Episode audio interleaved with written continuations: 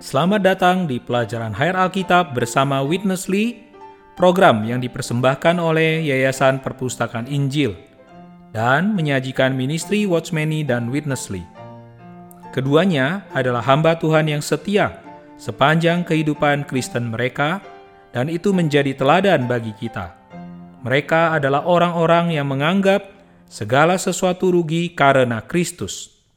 Witnessly menyelesaikan karyanya yang paling lengkap yang disebut pelajaran hayat Alkitab sebelum dia dipanggil Tuhan pada tahun 1997. Program ini menggabungkan kutipan singkat dari berita aslinya dengan beberapa komentar dan persekutuan dari kami. Seperti biasa, kami ingin mendengar pendapat Anda atau menjawab pertanyaan apa pun yang mungkin muncul saat Anda mendengarkan. Anda dapat menghubungi kami di pelajaranhayat.com. Sekarang, mari kita ikuti program hari ini. Di dalam kitab Roma pasal 8 ayat 1, Rasul Paulus berkata, "Maka sekarang tidak ada penghukuman bagi mereka yang ada di dalam Kristus Yesus." Jika Anda pernah mengalami kutukan atau berperang dengan monster yang menyerang orang Kristen di mana-mana, maka Anda tidak ingin ketinggalan pelajaran Hayat Alkitab hari ini dengan Witnessly, sebuah program yang disediakan oleh Yayasan Perpustakaan Injil, dan dengan gembira kita telah berhasil mencapai pasal 8 dalam kitab Roma. Dan bersama kita untuk menikmati kesempatan ini adalah Saudara Gumulya. Selamat datang di program ini, Saudara Gumulya. Senang berada di sini, dan saya juga berbagi kegembiraan dan kesempatan untuk bersekutu dari Roma pasal 8, salah satu pasal paling penting di seluruh Alkitab. Saudara Gumulya, penghukuman mungkin adalah salah satu masalah yang paling ditakuti oleh banyak orang Kristen. Kita semua berjuang untuk menghindari penghukuman. Ini bisa menjadi masalah serius bagi semua orang Kristen jika mereka tidak mendapatkan bantuan, bukan? Sebenarnya ini adalah masalah serius bagi banyak orang, terutama bagi para pengejar Kristus yang serius. Mereka yang mencintai Tuhan, mereka yang mencari Dia, mereka yang ingin hidup untuk Dia. Tetapi ini juga menjadi masalah bagi mereka yang suam-suam kuku, acuh tak acuh, yang memijakan satu kaki pada tubuh Kristus dan kaki lainnya di dunia. Ya, ini bisa menjadi kondisi yang serius bagi segala jenis orang beriman. Tetapi kebenaran dalam firman yang disajikan melalui ministry hari ini bisa memberi kita jalan untuk mengalahkan segala dakwaan Satan, untuk mengalahkan penghukuman yang objektif dan subjektif. Inilah yang akan kita bahas, dan saya yakin ini akan menjadi kabar baik bagi banyak pendengar. Saudara Gumulya, ini adalah program pelajaran hayat yang dinanti-nantikan oleh para pendengar. Berita hari ini sesuai dengan bab 15 pada buku pelajaran hayat Roma. Mari bergabung bersama saudara Witnessly. In the foregoing chapter, Pada akhir Roma pasal 7, Paulus berseru, Aku manusia celaka, Siapa yang akan melepaskan aku dari tubuh maut ini? Sedang pada pasal 8, Paulus memulai dengan kalimat, Demikianlah sekarang, tidak ada penghukuman bagi mereka yang ada di dalam Kristus Yesus. Ada dua jenis penghukuman dalam surat Roma. Penghukuman lahir yang objektif dan penghukuman batin yang subjektif. Penghukuman yang objektif ialah penghukuman karena berada di bawah penghakiman keadilan Allah dan yang sudah dibereskan seluruhnya oleh darah penebusan Kristus. Darah penebusan Kristus telah menyelamatkan kita dari penghakiman Allah. Penghukuman batin yang subjektif terdapat pada pasal 7. Ketika Paulus mengeluh, "Aku manusia celaka," itu bukan berarti ia sedang menerima penghukuman Allah melainkan penghukuman yang berasal dari dirinya sendiri, karena ingin mencoba melaksanakan hukum Taurat Allah. Penghukuman yang demikian berasal dari dirinya sendiri, bukan dari Allah. Semakin Anda ingin mengamalkan kebajikan demi menggenapkan hukum Taurat, Anda akan semakin sering merasakan penghukuman batin. Kalau Anda adalah orang yang acuh tak acuh, tidak pernah berusaha berbuat kebajikan, Anda tak akan mengalami penghukuman batin. Akan tetapi, bila Anda berkata, "Aku hendak menjadi orang yang benar dan sempurna," Anda pasti akan dihukum oleh diri sendiri. Semakin Anda bertekad memperbaiki diri, Anda akan semakin berada di bawah penghukuman diri. Penghukuman itu bukan berasal dari Allah. Allah akan berkata, "Anak yang bodoh, aku tidak menginginkan kamu menderita penghukuman serupa itu. Kamu menyusahkan dirimu sendiri." Dalam Roma pasal 8, Paulus tidak berkata, "Sekarang tidak ada penghukuman bagi mereka yang ada di dalam Kristus Yesus, karena darah Yesus telah mencuci kita." Masalah penghukuman semacam ini tidak dibereskan oleh darah, kita bebas dari penghukuman yang subjektif bukan karena pencucian darah Tuhan, melainkan oleh hukum yang memerdekakan kita itu. Ada satu hukum yang memerdekakan kita dari penghukuman batin, dan hukum itu lebih kuat daripada hukum yang mana pun. Saudara Gumulya, saya pikir ini adalah hal yang benar-benar mencerahkan yang dibuat oleh saudara Witness Lee bahwa ada dua jenis penghukuman, yang lahiriah dan yang batiniah. Apa perbedaan antara kedua jenis penghukuman ini dan bagaimana kita bisa dibebaskan dari keduanya? Ada dua jenis penghukuman dan untuk jenis pertama, jenis objektif, saya ingin menggunakan kata penghakiman sebagai sinonim untuk penghukuman karena Allah dalam kebenaran harus menghakimi dosa dan pemberontakan dan pelanggaran hukum dan keduniawian dan kedagingan. Maka ada penghukuman dan ini adalah penghakiman adil Allah. Kebenarannya mengharuskan Allah untuk menghakimi orang berdosa, untuk menghakimi dosa, untuk menghakimi ketidaktaatan. Solusi untuk masalah ini adalah kepercayaan kita pada penebusan Kristus. Kristus telah menanggung dosa kita di dalam tubuhnya di kayu salib. Dia mati menggantikan kita. Ini memenuhi tuntutan kebenaran Allah. Kebenaran Allah telah dipuaskan. Dan sekarang ini dapat diterapkan kepada semua orang yang percaya ke dalam Kristus. Percaya ke dalam kematiannya yang menebus dan kebangkitannya yang membagikan hayat Semuanya ini disuplaikan bagi kita ketika darah penebusan Kristus kepada hati nurani kita. Melalui iman terhadap kematian Kristus yang menebus dan kebangkitannya yang menang. Kemudian, ketika kita menggunakan iman ini dan mengalami roh yang menyuplaikan darah Kristus yang berharga bagi kita, kita memiliki damai sejahtera terhadap Allah kita dibenarkan oleh kasih karunia melalui iman. Kita memiliki keberanian untuk masuk ke dalam hadirat Allah. Secara praktis, ini adalah darah Yesus yang membersihkan kita dari setiap dosa, yang membebaskan kita dari penghakiman yang objektif ini, penghukuman yang objektif. Tetapi, penghukuman yang disebutkan dalam Roma pasal 8 ayat 1 memiliki sifat yang berbeda jenis yang berbeda. Ini adalah penghukuman subjektif yang kita lakukan terhadap diri kita sendiri.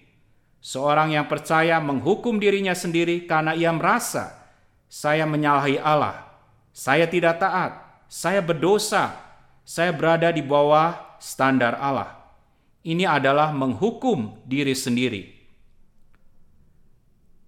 Beberapa orang percaya yang terkasih mencoba untuk menyelesaikan masalah ini dengan memohon darah Yesus. Berdoa agar darah tersebut membersihkan hati nurani mereka. Tetapi solusi yang dibutuhkan di sini bukanlah untuk menangani penghukuman yang objektif, penghakiman Allah yang adil benar. Karena itu, mari kita lihat dengan seksama Roma pasal 8 ayat 1. Tidak ada penghukuman bagi mereka yang ada di dalam Kristus Yesus. Penghukuman subjektif, penghukuman diri ini adalah karena kita berada dalam diri kita sendiri, terpisah dari Allah, menilai diri kita sendiri, mengutuk diri kita sendiri. Untuk bisa dibebaskan dari penghukuman ini, kita perlu berada di dalam Kristus Yesus secara pengalaman. Secara posisi, kita telah dipindahkan dari Adam ke dalam Kristus. Kita telah percaya ke dalam Kristus. Kita telah dibaptis ke dalam Kristus. Kita berada di dalam Kristus. Tetapi yang kita bicarakan bukanlah perkara posisi, melainkan perkara pengalaman. Karena Roma pasal 8 adalah pasal tentang pengalaman.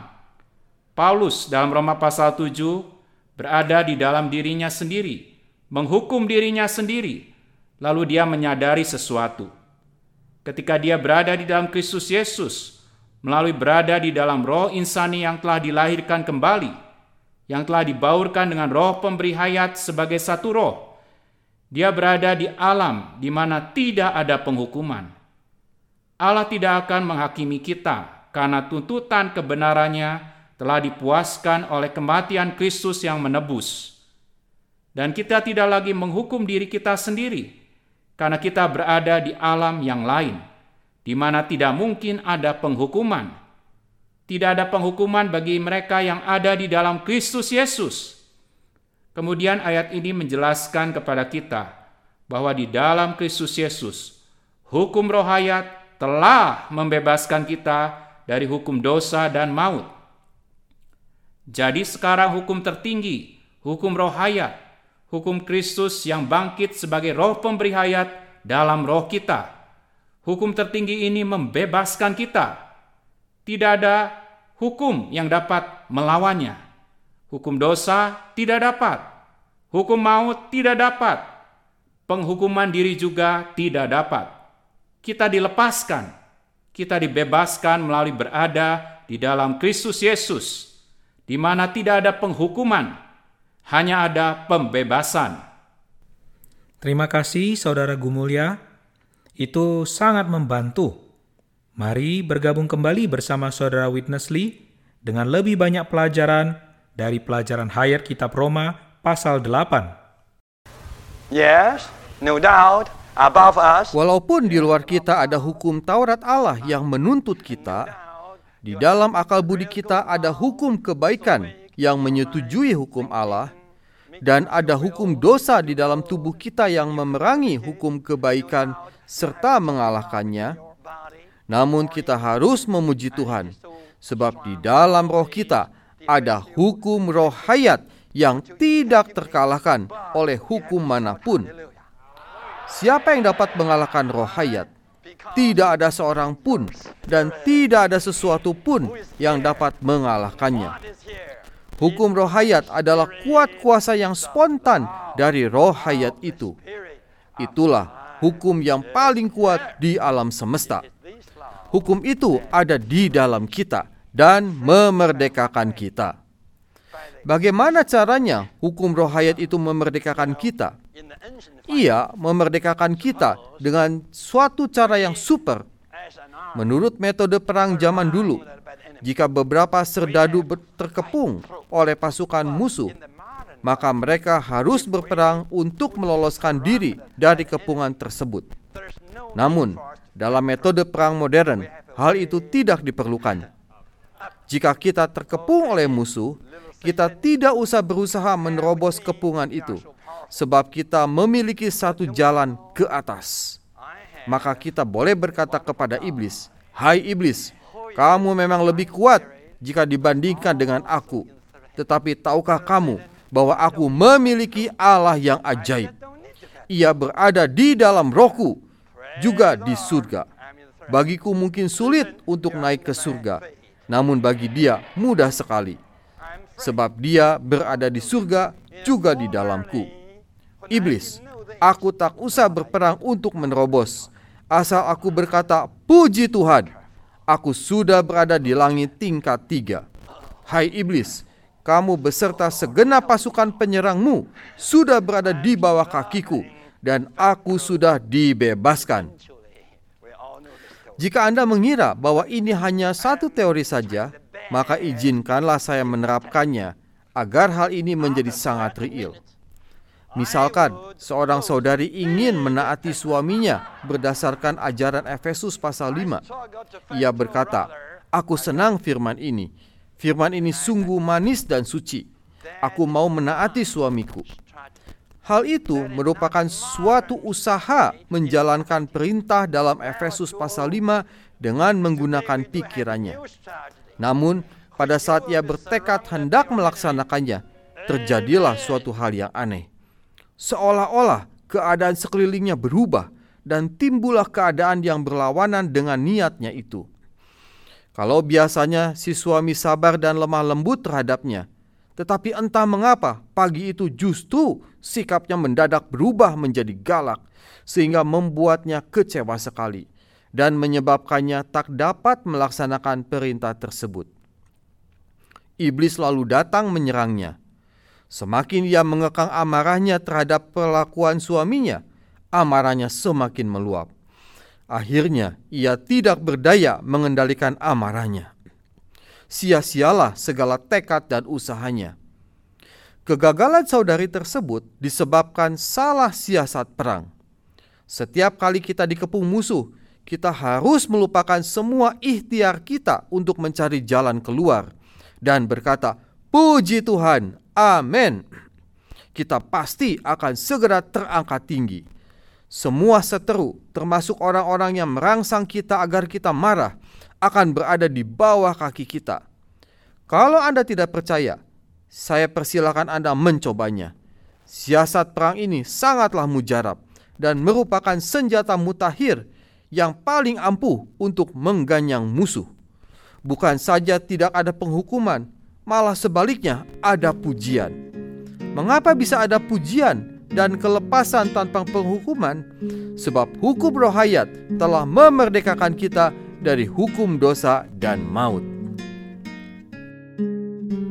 Saudara Gumulia, saya sangat suka mendengar kata terakhir yang diucapkan saudara Witnessly di sini. Terangkat tinggi. Saya percaya artinya naik ke atas. Apakah itu benar, saudara Gumulia? Ya, terangkat tinggi. Berarti diangkat jauh ke atas, ke tempat yang tinggi, jadi terangkat tinggi adalah jauh di atas, di tempat yang sangat tinggi. Penggunaan kata terangkat tinggi di sini mengacu pada suatu pengalaman. Ketika kita berada dalam penghukuman subjektif, kita hanya dikelilingi oleh hal-hal negatif, dan musuh dapat menyerang, dan dia dapat mendakwa, dan kita dapat menghukum diri kita sendiri. Kecenderungan kita adalah berusaha untuk menerobos mencari jalan keluar, tetapi tidak ada jalan untuk dibebaskan. Kita dikepung. Sebenarnya, kita tidak perlu menggunakan usaha yang sia-sia tersebut untuk menerobos keluar. Kita hanya perlu terangkat ke atas, dan itu akan terjadi ketika kita menyadari bahwa Kristus adalah pemenang, bahwa Dia adalah Tuhan di atas tahta dia adalah imam besar agung kita. Dia adalah gembala jiwa kita. Dia adalah yang berdoa syafaat bagi kita. Dia adalah Tuhan kita. Dan kita perlu kembali ke dalam roh kita dan bersyukur kepadanya dan terutama memuji dia.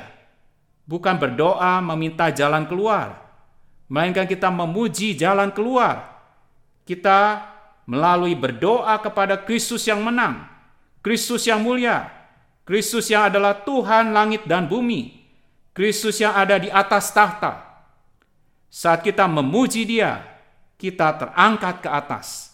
Kita diangkat melampaui situasi tersebut, dan ini adalah pembebasan yang luar biasa, di mana kita hanya bisa bersyukur kepada Tuhan dan memuji Dia.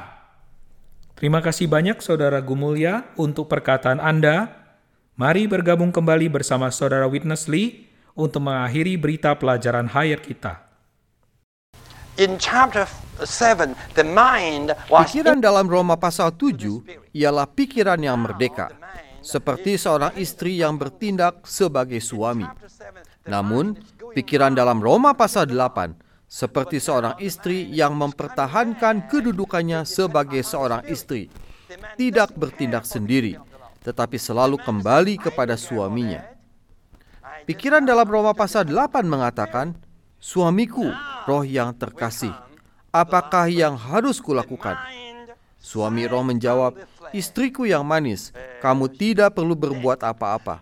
Aku bisa mengatasinya. Roma pasal 7 dan 8 menunjukkan kepada kita bahwa pikiran yang sama mungkin mempunyai dua macam tindakan. Dalam pasal 7, pikiran bertindak sendiri dengan keliru dan menganggap dirinya sebagai suami. Tetapi dalam pasal 8, pikiran menjadi istri yang wajar, mempertahankan kedudukannya yang sah, dan kembali bersandar kepada suaminya, yaitu roh. Baiklah kita menarik kesimpulan dengan pasal 8 ayat 6. Karena keinginan daging atau meletakkan pikiran di atas daging adalah maut. Tetapi keinginan roh atau meletakkan pikiran di atas roh adalah hidup dan damai sejahtera. Dari ayat ini kita nampak bahkan pikiran pun dapat menjadi hidup. Pikiran yang merdeka tidak dapat menaati hukum Taurat Allah. Namun pikiran yang diletakkan di atas roh adalah hidup dan damai sejahtera. Pikiran yang sedemikian dipenuhi oleh kenikmatan dan perhentian. Damai sejahtera ialah untuk perhentian, sedangkan hidup ialah untuk kenikmatan. Bila pikiran diletakkan di atas roh, tidak ada perasaan kalah, terhukum, atau negatif. Yang ada hanya hidup dan damai sejahtera, kenikmatan dan perhentian. Pikiran yang tak berdaya melakukan hukum Taurat Allah itu ada kemungkinan menjadi pikiran yang hidup dan damai sejahtera, asalkan diletakkan di atas roh. Itu bukan suatu teori semata, melainkan dapat dipraktekkan. Anda dapat membuktikan sendiri bila Anda mau mempraktekannya. Paulus menulis Roma pasal 8 bukan menurut teori, tetapi menurut pengalamannya sendiri. Tuntutan hukum Taurat dapat digenapi dengan mudah dan spontan. Sebenarnya, kita tidak perlu berbuat apa-apa demi diri sendiri, sebab hukum Taurat akan terlaksana di atas diri kita dengan spontan dan tanpa disadari. Bahkan sekalipun kita tidak berniat untuk melaksanakan hukum Taurat, tanpa disadari, hukum Taurat itu sudah terlaksana. Boleh jadi Anda tidak bertekad untuk menyayangi istri Anda, namun tahu-tahu Anda sudah menyayanginya. Saudari pun mungkin tidak berniat untuk menaati suaminya, tetapi tanpa terasa ia sudah menaati suaminya sepenuh hati. Itulah penggenapan tuntutan hukum Taurat secara spontan dan otomatis dengan meletakkan pikiran di atas roh. Saudara Gumulya, betapa kontrasnya situasi di dalam Roma pasal 7 di mana ada orang yang malang, penuh dosa dan maut dan dibawa dua jenis penghukuman. Tapi di sini di pasal 8 kita secara menakjubkan diselamatkan ke dalam hidup dan damai sejahtera. Tetapi faktor yang mendatangkan situasi yang demikian adalah memiliki pikiran yang diletakkan di atas roh. Apa maksudnya ini, Saudara Gumulya? Oke, berdasarkan penciptaan Allah, manusia adalah tripartit atau tiga bagian, yaitu roh insani, jiwa, dan tubuh. Karena dosa telah masuk, tubuh kita sekarang menjadi tubuh dosa dan daging dosa. Roh kita telah dilahirkan kembali dan dihuni oleh roh pemberi hayat kita bisa mengatakan bahwa pikiran kita sebagai bagian utama dari jiwa kita itu mewakili kita. Dan pikiran kita bisa bekerja sama dengan roh kita dengan cara diletakkan di atas roh, bersatu dengan roh, bergantung pada roh, mengandalkan roh, dan menaati roh.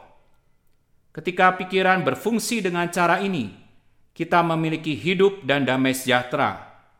Tetapi ketika pikiran bekerja sama dengan daging, pikiran kita mutlak merdeka dari Tuhan. Dan ketika kita meletakkan pikiran kita ke atas daging, yang kita rasakan adalah maut, bukan hayat. Roh kita yang dilahirkan kembali dan hayat ilahi di dalam roh kita memiliki perasaan yang memampukan kita untuk membedakan apakah kita menjamah hayat atau maut. Apakah kita mengalami hayat atau maut. Jadi, Pikiran kita perlu dilatih untuk bekerja sama dengan roh perbauran kita. Hasilnya akan selalu hayat dan damai sejahtera. Kemudian hukum roh hayat di dalam Kristus Yesus akan berfungsi dengan bebas. Kita akan menikmati Kristus yang bangkit sebagai hayat kita secara berkelimpahan. Tetapi bila kita merdeka dari Tuhan, merdeka dari roh kita yang telah dilahirkan kembali, dan dihuni oleh roh pemberi hayat, kita akan merasakan maut dengan perasaan kekeringan, kekosongan, depresi, kelemahan, berkebalikan dari hayat, damai sejahtera, hidup, penuh energi, vital, dan cerah. Ini adalah perkara esensial dan kehidupan sehari-hari kita yang aktual dan praktis, serta kehidupan sehari-hari kita bersama Tuhan. Saudara Gumulia, ini adalah persekutuan yang luar biasa. Ini adalah pelajaran had yang tak ternilai harganya. Saya hanya ingin menegaskan kembali kepada para pendengar bahwa pelajaran Hayat Kitab Roma pada pasal 8 ini akan diikuti oleh beberapa berita lagi dan ini adalah berita yang harus Anda miliki. Kami sangat mendorong Anda jika Anda bergumul dengan hal-hal yang telah kami bahas hari ini untuk menghubungi kami melalui email di dalam website kami pelajaranhayat.com. Anda juga dapat mendownload program pelajaran hayat Roma dari pelajaranhayat.com. Terima kasih telah bergabung dengan kami hari ini, Saudara Gumulya. Program ini dipersembahkan oleh Yayasan Perpustakaan Injil, penerbit dari Ministry Watchmeni dan Witnessly. Untuk mengetahui lebih lanjut tentang ministry Perjanjian Baru, kami mengundang Anda untuk mengunjungi situs web pelajaranhayat.com. Di sana dapat mendengarkan lebih banyak program pelajaran hayat Alkitab. Sekali lagi, di pelajaranhayat.com. Terima kasih sudah mendengarkan program hari ini.